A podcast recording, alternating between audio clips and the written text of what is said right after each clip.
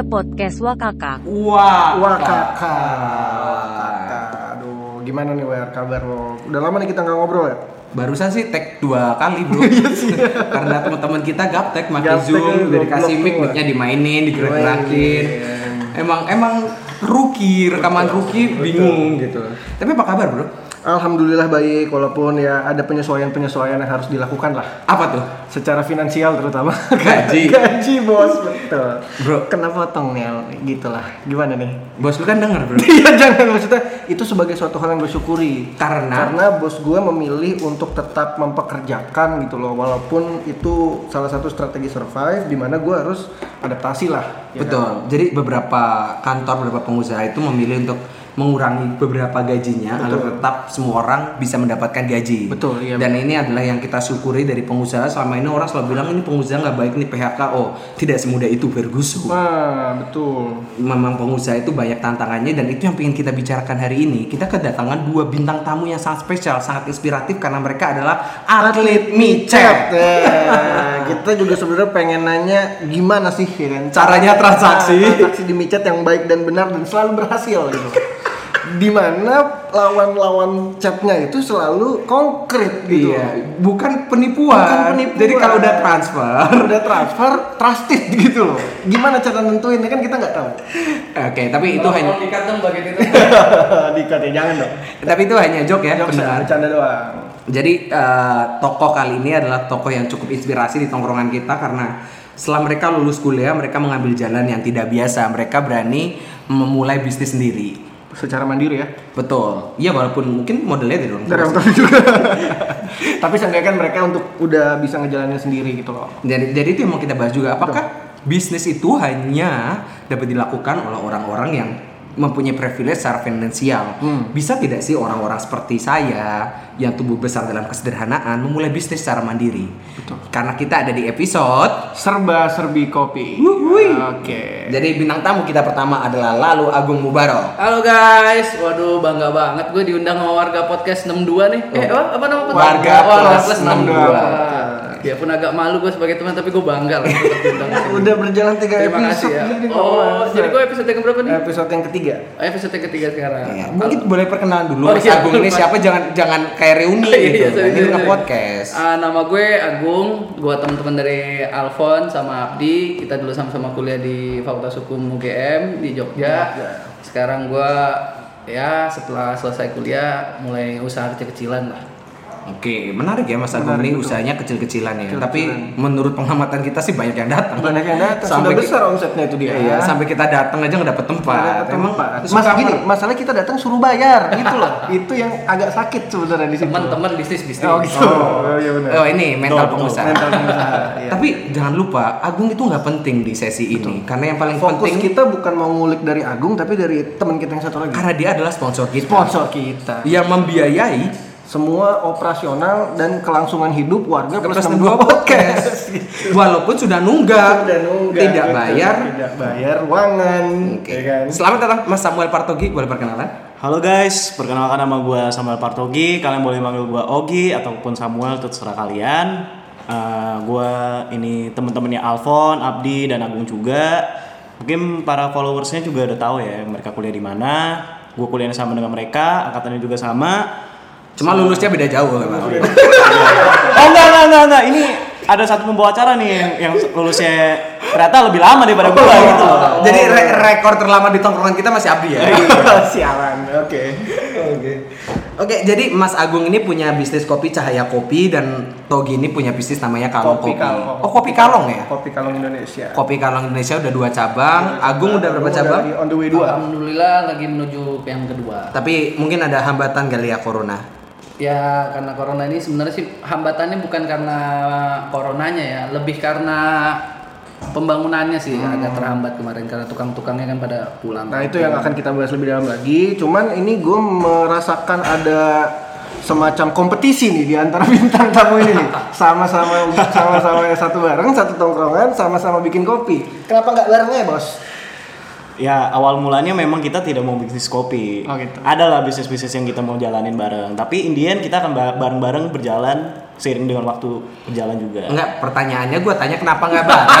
Bareng, gitu. Kayak itu, itu alasan itu alasan Kalau alasan. kalau pembawa acara yang sportif dong. Iya. Ini kayak gitu. memancing Jangan nih pembawa acara nih. Oh, iya, iya. Ngomongnya satu-satu, mic kita cuma satu. Ngomongnya satu-satu, di zoom susah ngeditnya, susah susah. Oke, berarti langsung masuk aja kali ya. Oke, jadi eh, mungkin pertanyaan yang paling dasar nih, kenapa setelah lulus kuliah memilih bisnis kopi tidak kerja profesional? Kenapa mau bisnis dulu dan kenapa kopi yang dipilih sebagai bisnis lainnya? Eh, ini mulai dari mana dulu nih? Oh, Agung dulu. Agung dulu, oke. Ah, Oke, jadi pertama-tama kenapa gua milih bisnis kopi ketika ketika gua kelar kuliah ya? Hmm. Karena gua awalnya tuh sebenarnya memang gua nggak terlalu tertarik untuk kerja formal. Bukan nggak tertarik, sih, belum tertarik. Oh, tapi ada kemampuan. Ada, Oh, jelas. ada Saya waktu itu ditawarin law firm, cuman saya Oh, nggak mau. nggak keterima. lebih kayak gitu sih ya, lebih Itu- lebih keterima. Itu bukan ditawarin, apply. Oh, salah berarti. Kok jadi Makanya songong? tahu kan semua kan, saya nggak Iya. pantas kerja di formal Iya, kan. betul. Oke. Nah jadi kenapa saya pilih kopi tuh awalnya karena pertemuan saya sama teman saya yang lama lah, teman lama. Jadi gue ketemu sama teman lama gue itu, dia ngobrol-ngobrol sama gue nawarin, Gung lu kenapa nggak coba bisnis Oh, kopi? gue inget tuh pas lu cerita temen lu dulu itu korupsi terus mau cuci uang kan dengan bisnis kopi. Lebih ke bisnis ini dia. Oh. Oke, pokoknya itulah. Yang bikinin the hoy, yang bikinin the hoy. Iya, iya, iya, oke. Terus, terus, terus. Nah, terus lama-lama gue mau mikir juga, oh iya juga ya bisnis kopi kan kebetulan lagi diminatin lah sama anak muda sekarang. Ya buktinya kan kelihatan sekarang kopi-kopi yang kekinian tuh Banyak banyak, banget, banget di mana-mana kan. Dan lu juga lah sebagai karyawan-karyawan pasti kerja di kantor nggak mungkin nggak mesen kopi. Betul. Biarpun lu nggak suka kopi mau nggak mau lu jadi kena lah beli kopi juga. Nongkrong soalnya di situ ya. Nah, tapi pertanyaan lebih lanjut nih mungkin buat Togi sama Agung ya. Togi mungkin alasannya juga sama nih sama dengan Agung. Eh, alasan gue berbeda sedikit aja. Kenapa? Oh, tuh? be- bedanya apa? Bedanya Karena di posisi gue sekarang mengambil S2. Oh. Bedanya di situ, lu bisnis dan sekolah, temen kita yang satu lagi Bisnis aja. Nggak sekolah. Nggak sekolah. Oh, iya, oke. Tapi nggak apa-apa dia udah sekolah. Udah dapat sarjana kan, gelar sarjana. udah. Enggak, dia bukan udah sekolah, barangnya disekolahin. Itu betul, itu betul. Uh, oh, jadi memang ngisi waktu luang saat S2 gitu. Iya, kalau kalian tahu kan ya kuliah kan juga dulu cuman kuliah pulang kuliah pulang. Gue juga S2 juga sama, kuliah pulang kuliah pulang. Terus akhirnya gue bingin bingin Gua ada apa nih? nih? Apa? Bingin. Bingin apa nih? Gue pengen ada waktu luang yang bisa gue manfaatin dengan baik. Oke. Salah satunya adalah memulai dengan bisnis kopi. Ah. Mungkin alasannya sama kayak Agung karena ya kopi ini kan kayaknya udah kebutuhan utama nih ya untuk apa kaula kaula muda, pengusaha apa Karyawan. teman-teman karyawan karyawan yang ada. Tapi mungkin ada perbedaan sedikit ya kalau Agung memang pengen menekunkan di sini, Togi berawal dari kekosongan ya. Jadi Gue mengisi waktu luang aja gitu. jadi semuanya itu bisa dimulai dengan motivasi yang berbeda, tapi mungkin tujuannya sama-sama mendapatkan untung ya. Outcome-nya sama. Outcome-nya sama gitu. Menarik menarik. Cuma pertanyaan yang lebih dalam nih. Betul. Kenapa bisnis kopi gini?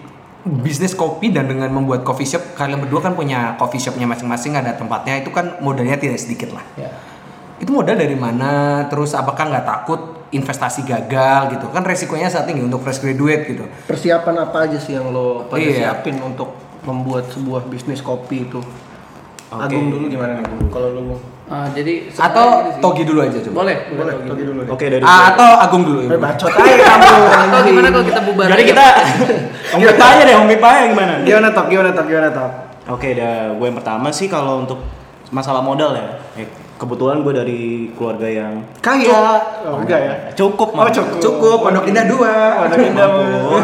Punya Harley. Cukup. Jangan dong. Amin, jangan-jangan. Jangan jangan dia, jangan harus amin. Harus amin. Nanti gue punya istri lebih dari satu kalau gitu. Kan pengen itu mah emang. Pengen. Emang lu nya aja sange. Mas mulutnya dijaga. Oh iya iya iya. Sorry iya, lagi iya. bulan puasa ya. Oke, sorry. jadi eh, ya kebetulan gue dari keluarga yang cukup mampu, tapi walaupun kita cukup mampu, gue pun juga harus memperhitungkan dulu bisnisnya. Heeh. Persiapan, ngitungin dulu break even pointnya kapan, Iya. kita operasionalnya gimana, segala macam itu juga gue nggak bisa lepas dari itu. Iya, lah. Terkadang kan ada orang yang udah mampu, cuma hanya invest invest aja, tapi gue di sini enggak, gue turun tangan langsung. Nah, dan untuk masukan aja nih untuk yang kayak Mas Alfon gitu, Mas Yang miskin gitu. Yang Ngomong aja miskin, langsung nggak apa-apa, bos, enjoy Hina- aja. Hina aku sesuka Iya. kamu. Hina aku sesuka kamu. Hina, hina. Hina, Mas. Buat kaum kaum papa, Gimana gimana? Apa masukannya nih? Ya masukkan aja kalau misalnya pengen reseller bikin satu liter, saya siap sedia kok. Kalian tinggal ganti brand aja Itu gitu loh. bukan masukan namanya Ya. promosi dong. Oke deh, itu aja sih alasan apa? Alasan gua Berani lah ya, berani, Berani lah investasi karena memang melakukan persiapan yang cukup matang. Ya satu kata kunci aja kalian harus turun tangan dalam bisnis kalian. Kalian jangan nyerahin ke orang lain karena kalau enggak kalian ditipu. Udah gitu aja. Oke, Mas Agung, Kalau Agung gimana Gung? Agung juga pakai duit orang tua. Uh, jadi gini ya, awalnya ketika gue pengen bisnis ini sebenarnya sama sih. Kenapa lo kerja, kenapa gue bisnis? Itu intinya alasan kita sama sebenarnya. Cari duit. Bukan cari uang, tapi demi bertahan hidup. Ini lebih filosofis Ya, lagi kan? filosofis. Gak mungkin lo kerja, gak mungkin lo cari uang kalau bukan buat bertahan hidup. Betul sih, Karena sisanya kan lo ya udahlah buat senang-senang. Nah Iya. jadi kenapa awalnya gue pengen bisnis itu adalah ya karena gue ngeliat oh kayaknya gue kurang passion nih di dunia kerja. Kayaknya Hmm. gue kurang passion deh kalau kerja sama orang lain. Mungkin saat ini gue mikir kayak gitu, tapi nggak tahu. Udah tahu ke depannya ya. Kan kayak gue bilang tadi demi bertahan hidup, Mhm. gue nggak tahu kalau gue Untuk sekarang untuk sekarang kayak gini. gue lagi pengen kayak gini dulu. Nah, Oke oke konkret konkret. Tapi masalah finansial bisnis kopi lu uang dari mana, Bro? Uh, Nah, orang jadi tua. kalau untuk financial bisnis ini kan tadi kan Alfon juga ngomong ya untuk uh, teman-teman yang pengen bisnis yang misalkan dari yang keluarga yang mampu atau enggak sebenarnya itu bukan masalahnya. Gitu ya? Masalahnya adalah sebenarnya apa kalau punya ide untuk membuat bisnis ini karena Hmm. sekarang gini banyak uh, startup-startup juga atau investor tuh yang melihat bisnis itu dari ide lu. Oke. Ketika lu punya ide bisnis yang memang bagus untuk diinvest oleh orang, orang akan invest. Jadi sebenarnya permasalahan finansial itu bisa ditutupi dengan ide-ide lu yang lu tawarin ke investor. Oke, let's say gue punya ide nih. Gue punya ide nih. Mungkin yang pendengar gue boleh curi ide gue dan boleh diimplementasikan gratis. Gitu. Boleh. Gratis minta. Kita emang memberikan ide ya, karena jangan ingat orangnya tapi karyanya. Betul. Weh. Betul. Eh, misalnya gue punya ide, gue mau buat bisnis kopi di SCBD. Oke. Di SCBD orang itu kecenderungan pegawai di SCBD itu ngopinya biar cari tempat ngerokok. Betul. Tapi costnya terlalu tinggi dan gue nggak punya modal. Terus gimana gue meyakinkan kalau bisnis kopi gue bisa bertahan melawan bisnis-bisnis kopi yang ada di SCBD lainnya? Dan udah established sebenarnya juga. pertanyaan itu harus lu jawab di dalam proposal lu. Ketika lu nawarin sesuatu ke orang, nggak mungkin kalau nggak propose sesuatu dong. Lu harus ngasih analisa lu, lu harus ngasih bisnis plan lu, lu mau ngapain. Contohnya kalau gue gitu cara ngalahinnya gimana gue? Ketika ketika hitung-hitungan udah analisa lu bener, kenapa lu harus takut untuk ngasih itu ke investor? Oh tapi lu nggak mau buka Ah. hitungan lu lah ya? Karena, eh, karena gue bukan investornya. Bilang aja nggak mau bagi ide anjing. Bukan. Maksud gue Ini ide lu, ide lu, tanda-tanda ide lu benar. Ide lu benar. Tapi kenapa itu nggak lu tuangkan ke dalam satu bisnis plan? Oke jadi dianalisis Ah. dari cash flow-nya. Dari cash flow lu, lu akan seperti apa? Market pasar lu Market size-nya siapa? seberapa? Marketing lu akan kayak gimana? Ta- Tapi kalau marketing kopi itu caranya gimana sih dalam artian jujur ya, maksudnya banyak orang yang minum kopi gak ngerti rasanya bro. Betul, Iya kan? betul, betul, Semua itu orang betul. sekarang minumnya paling banyak kopi susu, latte gitu lah. Iya. Maksudnya kopi bukan americano gitu. Nah itu apa sih yang membuat produk kita beda? Pun banyak minuman kopi yang sangat enak gitu Iya, loh. betul, betul. Apa sih yang bisa kita tawarkan gitu? Gue bingung nih kalong kopi, kopi kalong, kopi kalong, Kopi kalong. kopi kalong dan cahaya kopi ini punyanya Agung sama Togi. Kenapa sih bisa yang beli banyak gitu loh? Jadi sebenarnya gini, untuk bisnis kopi ini sendiri lo harus petain dulu bisnis lo ini mau dine in atau take away. Oke. Ketika konsepnya. bisnis lo udah lo tetapkan konsepnya misalkan gue oke kayak gue gue bikin uh, Dine in. bisnis dine in. Ketika gue dine in itu gue akan nuntut lagi produk gue yang kayak lo bilang produk kopi susu tuh udah banyak banget. Betul. Terus apa beda gue? Nah itulah yang harus gue buat unique selling produk gue apa? Oke. Nah gue bikin unique selling produk gue untuk di Cahaya Kopi adalah kopi susu ditambah jahe merah. Oke, apalagi zaman Nah, corona jahe top jahe set. lagi oke gitu kan. Oke, nah, oke, yang kedua gimmick dari kopi lu itu sendiri. Iya. Oh, gimmick tuh gimana tuh? Ah, gimmicknya maksudnya kayak kopi susu gula aren.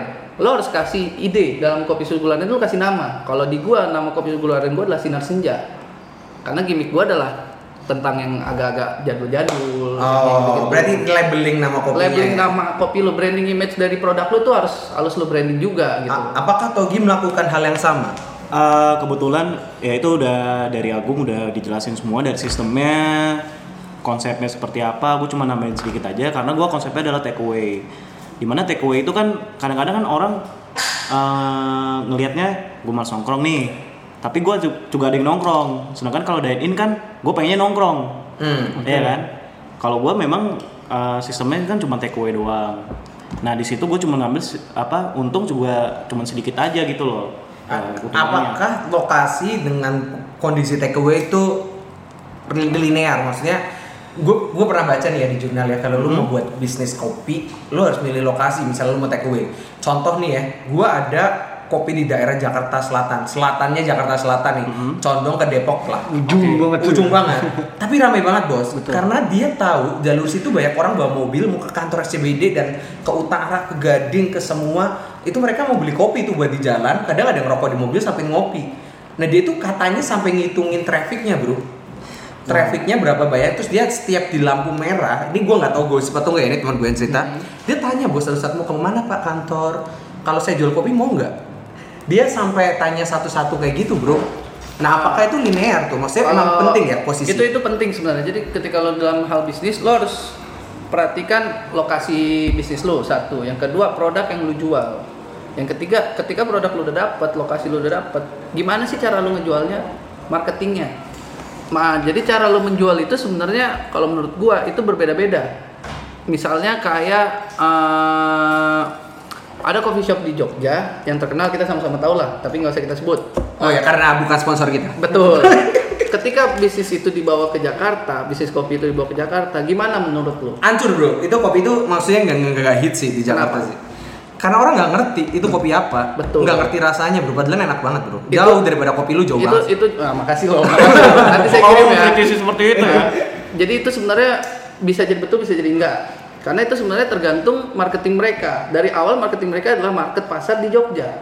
Ketika mereka ke Jakarta, mereka harus berubah cara marketingnya. Harus sesuai dengan pasar di Jakarta. Iya, karena di Jogja itu kayak mulut dari mulut tuh cepet banget ya bro ya gua nggak bisa ngomong. Ah, kalau lu Maksud- pernah soalnya Ah, ya. bukan karena gua belum analisa ke sana. Itu yang Oke, berhak oke. mereka. Tapi di setiap kota udah pasti berbeda cara bermainnya. oh jadi lu memang benar Ah. bahkan di Jakarta pun lu harus Di ngerti ya? Jakarta di Jakarta sendiri pun berbeda. Lo ketika lo bisnis di daerah selatan sama lo bisnis di daerah timur, Jakarta Timur, Bekasi dan sekitarnya, itu akan berbeda cara bermain lo. Ca- cara tahu apa yang diinginkan oleh orang-orang tuh gimana Mungkin gue bisa masuk di situ.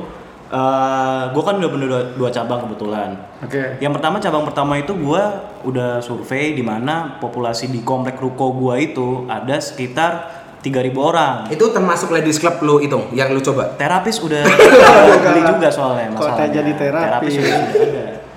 Itu padahal market yang gua nggak sentuh. Ternyata Oke. tiba-tiba kesentuh marketnya. karena lu bayar 600 ribu Kagak, kagak, kagak, kagak. Gue cuma ngeliat dong dari luar. oke terus terus Oke, eh, gua kan kebetulan mainnya sama market-market yang di mana eh, utara dan selatan itu kan berbeda. Di mana yang selatan ini orangnya nongkrong terus kan.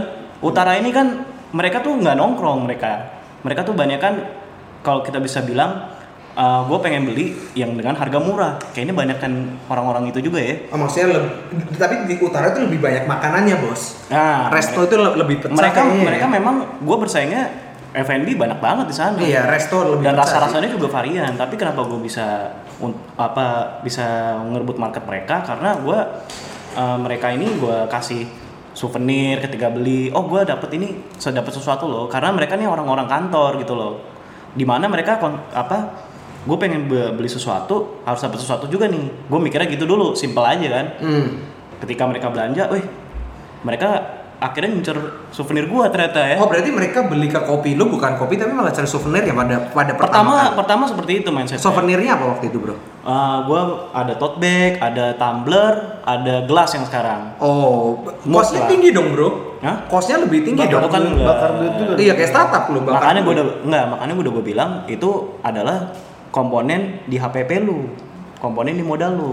harga pokok. Memang gue untungnya sedikit, tapi setidaknya gue ngerebut market dulu. Oh, lu, itu. bikin, lu biar tahu market size-nya seberapa. Akhirnya mereka dari yang cuma lu ya. souvenir doang. Ketika gue tanya lagi, kadang-kadang ada yang datang juga, cuman mau ngerokok, minum kopi susu. Gue tanya, bang, Udah bayar belum? jangan ngutang ya. Jangan ngutang. Di sini nggak boleh ngutang. Gitu kan. nah tapi kan di satu sisi ah gue lama-lama juga jenuh nih di kantor di ruangan. Mungkin masalah aku mas Abdi yang merasakan lah. Gue pengennya ngerokok nih sambil kerja ya kan? Ya mereka seperti itu akhirnya ujung-ujungnya. Oh, jadi- akhirnya dari yang souvenir mindset mereka berubah menjadi gue pengen nongkrong aja deh. Oh jadi memang pengenalannya ada caranya lah ya. Lu Iya. harus tahu apa yang lu mau Kalau dan lu harus gue seperti itu dal- dalam artian gue gue curi dulu perhatian mereka, baru mereka merubah mindset mereka untuk akhirnya gue nongkrong aja di tempat lu gitu. Ya kalau gue bisa nambahin sih sebenarnya pada intinya ketika lo mau mulai sesuatu lo harus riset dulu sih. Itu dan itu berlaku menurut gue di semua Apa pun hal ya, ya, di apa pun semua- ya. di bisnis dalam kerja. Ketika lo mau ketemu orang pun lo riset dulu tentang orang itu. Betul, Ketika kita mau mulai usaha kita harus riset dulu. Tapi tapi kabar burung Gung dari tongkrongan katanya ada artis mau invest ke kopi lo. Mudah-mudahan. Mudah-mudahan jadi. Bismillah. Gua harap dari investasi itu yang kalau misalnya berhasil kita kalau Nanti kesana- kita kasih kopi untuk warga podcast plus. Ah, itu. Dan jadi kalau sponsor kita itu daily basis modelnya. Iya betul. jadi kirim kopinya tiap jam siang lah. Podcast ini sedih juga. sebenarnya.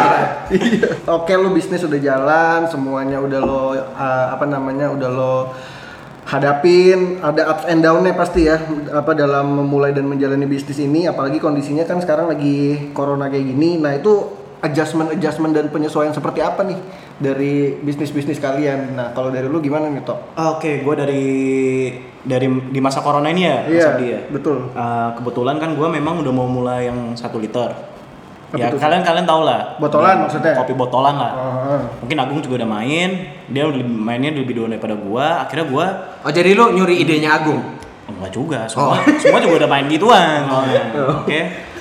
Pertama gua nggak mau main gituan. Akhirnya eh, adalah tante gua datang, dia bilang "Eh, Mas Ogi bisa nggak eh, kita ngambil kopi dari Mas Ogi gitu loh. Oh ya nggak apa-apa tante gitu kan. Ya udah, akhirnya gue sediain.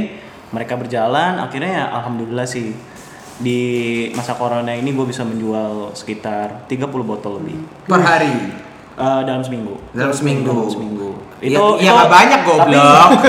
kan masih seminggu juga. Dalam jadi- seminggu, Ini, karena- ini masih seminggu pertama kan? Minggu pertama kan ini? Iya minggu pertama. Karena kan mereka kan ngirim sampel dulu segala macam, akhirnya mereka order. Oh, jadi ada kemungkinan kurva bakal naik ya lah ya? kurva naik. Oh, shelfnya bakal naik. Tapi ya gue jatuhnya memang tentu gue reseller. Nah itu mungkin Oh, jadi- untuk teman-teman yang mau, gue juga bisa ya sediain.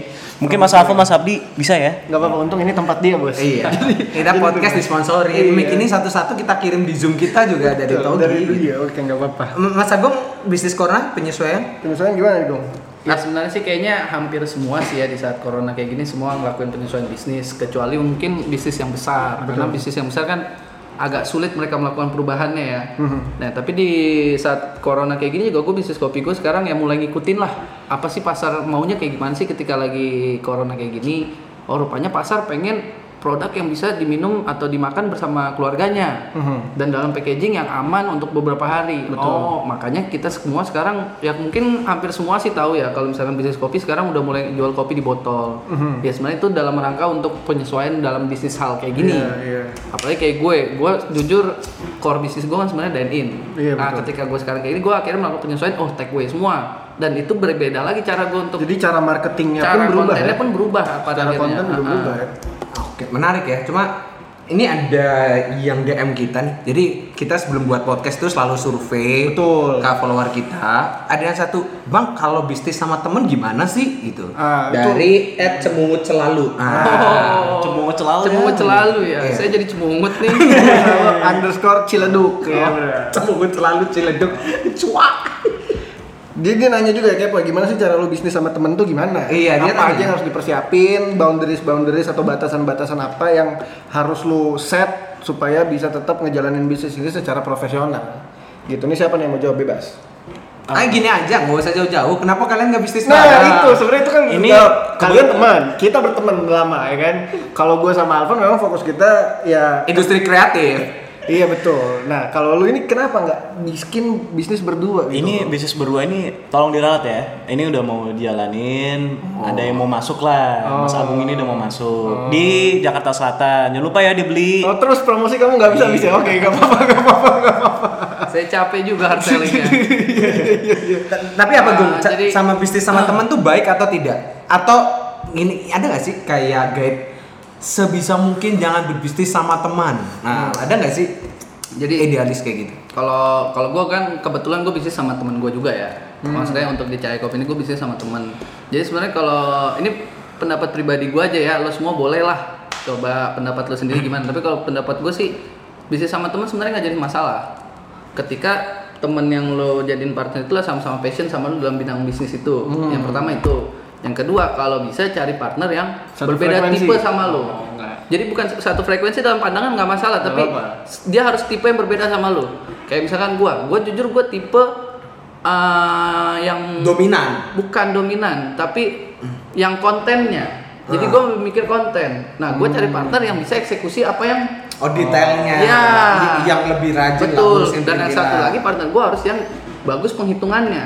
Karena ketika misalkan tiga partner apa gue partner sama temen yang satu tipe sama gue, ya Repot menurut gue sih ya. akan susah berkembangnya. Tapi gue juga pernah gung bisnis, mulai hal baru sama partner, beda banget sama gue gung. Dia males, dia nggak punya inisiatif. Abdi contoh. Oh, enggak. Aduh. Jadi Jangan podcast digituin dong. Jadi, Jadi- podcast ini Betul, jadi podcast ini lambat produksinya Oh. karena nggak punya inisiatif teman-teman gua. gini. Ini BTW Cesario juga nggak hadir Oh, di itu Zoom ini. kalau gitu jangan ajak kita dong. Jadi kayak itu permasalahan masalah internal diselesain internal. dulu deh. Enggak gitu, karena kalau podcast kan belum diduitin, jadi belum ada semangat yang Betul. Menggugah gua gitu. Tapi kalau kalau menurut gua gitu ya, kalau ketika lo partner sama temen malah lebih enjoy. Sebenarnya gitu. Ah, ah, Karena lo menjadikan usaha itu sebagai a playground tempat lo main. Kagak bro, gua nggak ada enjoy enjoy. gua buat podcast sama sahabat gua dua orang ini ya, satu sahabat ketemu di kerja, satu sahabat dari lama, kagak ada enjoynya bro, emosi. Jadi selama ini apa yang udah gue lakukan ke lu ngasih atap buat lu selama lu di Jogja itu nggak ada artinya ya maksudnya. Waduh, satu udah satu atap loh. Gimana itu? Tolong dong ini masalah internal jangan bawa bawa dong kita dong. Coba coba coba. Jadi ini episode terakhir di Warga Plus 62 Podcast. Abis ini Instagramnya jadi Alfonsus Podcast ya. Amin. Amin. Amin. Jangan dong. Amin. Jangan dong. Jangan dijual tapi Oh iya, sponsornya kan lu. Mas Abdi ada pertanyaan lagi? Nah, maksud gue kan gara-gara penyesuaian itu pasti dari om, maksudnya dari pendapatan dan omset segala macam dari sebelum dan sebelum corona dan pada saat corona ini pasti berubah dong. Nah itu seberapa signifikan sih perubahan itu? perubahan ya. Dari gua sih Berapa persen deh? Gak usah ngomong angka deh, ntar pada tahu duit lo deh. Tahu duit lu banyak kan Iya. kaget. sekitar hampir 70% drop Sebesar itu ya? sebesar itu. Itu mulai dari eh, awal ini ya, awal mulai di WFH ya. Itu kapan sih? Awal Maret pertengahan Maret, Maret, pertengahan ya. Maret. Tapi kalau awal orang corona belum ada ya, masih orang Indo kan kebal bos. Kebal bos. Iya, tapi mereka udah disuruh WFH dan mereka ya seneng-seneng aja gitu loh. Jadi gue itu kan karena market gue kan banyak kan orang kantor dan mereka juga akhirnya hampir 70% lah drop sekitar segituan. Oke, Agung berapa persen? Kurang lebih sebenarnya hampir sama lah ya 70 70 persen 60 persen tuh udah pasti kita semua ngalamin penurunan lah bahkan ada yang gua dapat dari info temen gua tuh dia sampai ke 90 persen omsetnya drop 90%. 90 persen Gila juga. Nah, tapi di satu sisi juga di saat kayak gini sebenarnya ada juga yang tetap malah omsetnya dua kali lipat melonjaknya. Jadi menurut gue di saat pandemi kayak gini orang yang bisa melihat celah bisnisnya, orang yang bisa melihat celah dalam membuat kontennya, dia akan tetap berhasil kok. Maksud gue kita jangan patah semangat lah ketika lagi pandemi kayak gini karena gue jujur gue seneng kok ngeliat orang-orang sekarang lagi pandemi gini malah semua mulai jual-jualan. Gue Iya, mungkin di Instagram lu semua orang sekarang udah mulai pada Iya, jual-jualan Pak. kan, Betul, betul. bikin produk A, B Tapi- dijual. Tapi ada yang menarik bro, ada yang jual 2M kemarin. oh betul. Kalau saya itu- pengen beli. Saya- tapi Tapi saya enak. Tapi kalau itu nyicil boleh lah. Kok nyicil? Tapi lo mainnya juga nyicil. Tapi lu mainnya nyicil sekali, udah. Sekali, Sekali udah. Tapi itu juga bagian dari bisnis 2M bro. Betul. Kita nggak nyebut artis siapa. Emang itu artis ya? Belum, belum. Nah, kita semua sama-sama tahu lah siapa itu. Tahu ya. itu siapa ya. Jadi kalau menurut gue itu sih uh, di saat pandemi kayak gini ada yang patah, ada yang tumbuh, ya kan? Jadi Ah. sebenarnya gimana cara kita sikapin ini sih? Karena kalau gue bener-bener deh, temen gue tuh ada yang bisnisnya dulunya omset ya, ah tiba-tiba jadi dua kali lipatnya. Tapi, Ah, tapi hampir pecah bro. sekarang karena ya Union aja nggak bisa. Aduh sebut merek nggak apa-apa lah. Dia sering ngirimin kita sponsor juga dulu di acara. Yan kita. bayar Yan. apa Union? Nah, Union. Sampai nggak bisa order bro. Gue mau pesen red velvet cake untuk makan snack gue lu malam. ngirim hampers juga itu dalam rangka penjilatan lagi atau Iya gimana? jelas bro. Jelas ya. Kayak gue bilang pada akhirnya semua melakukan penyesuaian kan? Betul. akhirnya sekelas Union pun mau nggak mau dia harus jual hampers ya karena hampers ini kan memang musiman juga dan saat ini semua orang pengen lah beli Betul. tapi kalau gue sih jujur gue seneng orang-orang sekarang yang mulai yang kerja yang apa sekarang udah mulai jualan semua jualan entah produk sambel, nah, rendang, apa pun yang mereka punya mereka mulai Yang mulailah mereka bisa- ke yang- inisiatif mereka untuk jadi wirausaha tuh Iya. mulai bangkit. Yang bisa diolah di rumah, diolah di ya, dan itu gue ya, benar-benar jadinya. seneng sebenarnya. Iya, ya iya, memang akhirnya jadi banyak saingan.